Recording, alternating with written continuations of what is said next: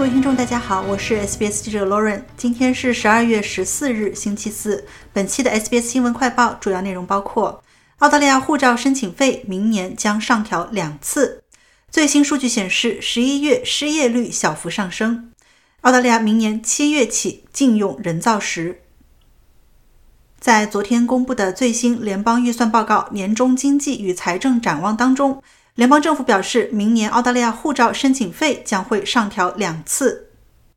每年的一月一日，护照申请费都会根据消费者价格指数进行例行的年度指数化上调。而除此之外，明年的七月一日，护照申请费还将再次上调五十澳元，涨幅高达百分之十五。据悉，澳大利亚护照目前为全球最昂贵的护照，成人有效期十年的申请费为三百二十五澳元。比排名第二的墨西哥护照还要多六十澳元，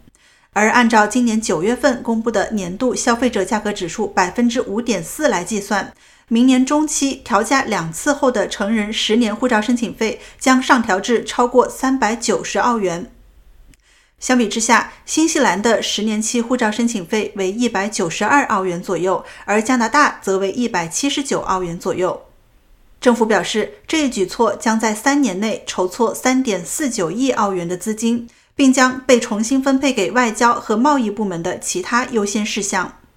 国库部长吉姆·查姆斯表示，考虑到资金收入可以为国家带来的额外收益，这一涨幅相对温和。外交部则表示，调价带来的额外资金将用于护照系统的现代化。另一边，澳大利亚统计局的最新数据显示，尽管就业人数增加了6.1万人，但11月份的失业率仍上升了0.1个百分点至3.9%。统计局劳工统计主管贾维斯表示，澳大利亚就业人口的比例仍然很高，11月份的就业参与率创下了67.2%的历史新高，高于十月份的百分之六十七。然而，由于劳动力市场涌现大量的新参与者，并且不是所有人都能找到工作，这一增长并未能阻止失业率的轻微上升。考虑到目前高水平的人口增长率，假设劳动参与率保持不变，为了避免失业率进一步上升，每个月至少需要新增三点五万个就业岗位。统计局本周四表示，截至九月的过去十二个月内，有五十一万八千一百人移民，占总人口增长的百分之八十三。尽管雇主对劳动力的强烈需求轻松吸收了大量的移民，但经济学家预测，随着就业需求疲软，劳动力市场可能难以继续吸纳大量的移民了。在各州和领地签署了保护工人的措施之后，从明年起，澳大利亚将在全国范围内禁用合成石材，也被称为人造石，以保护从业者免受致命的肺部疾病。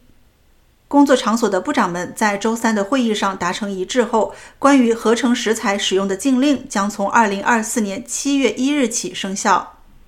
作为全国禁令的一部分，联邦政府表示将对进口到澳大利亚的合成石材实施强制性的海关禁令。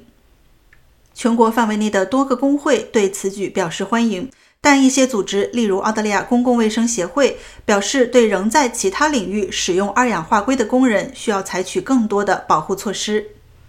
建筑林业海事雇员工会全国秘书长史密斯赞扬了对合成石材的全面禁令，称其是一个拯救生命的决定。让我们明确这一点：各级政府今天所做的决定将挽救生命。我们知道，多达四分之一使用合成石材的工人患有矽肺病或患有其他的致命尘肺疾病。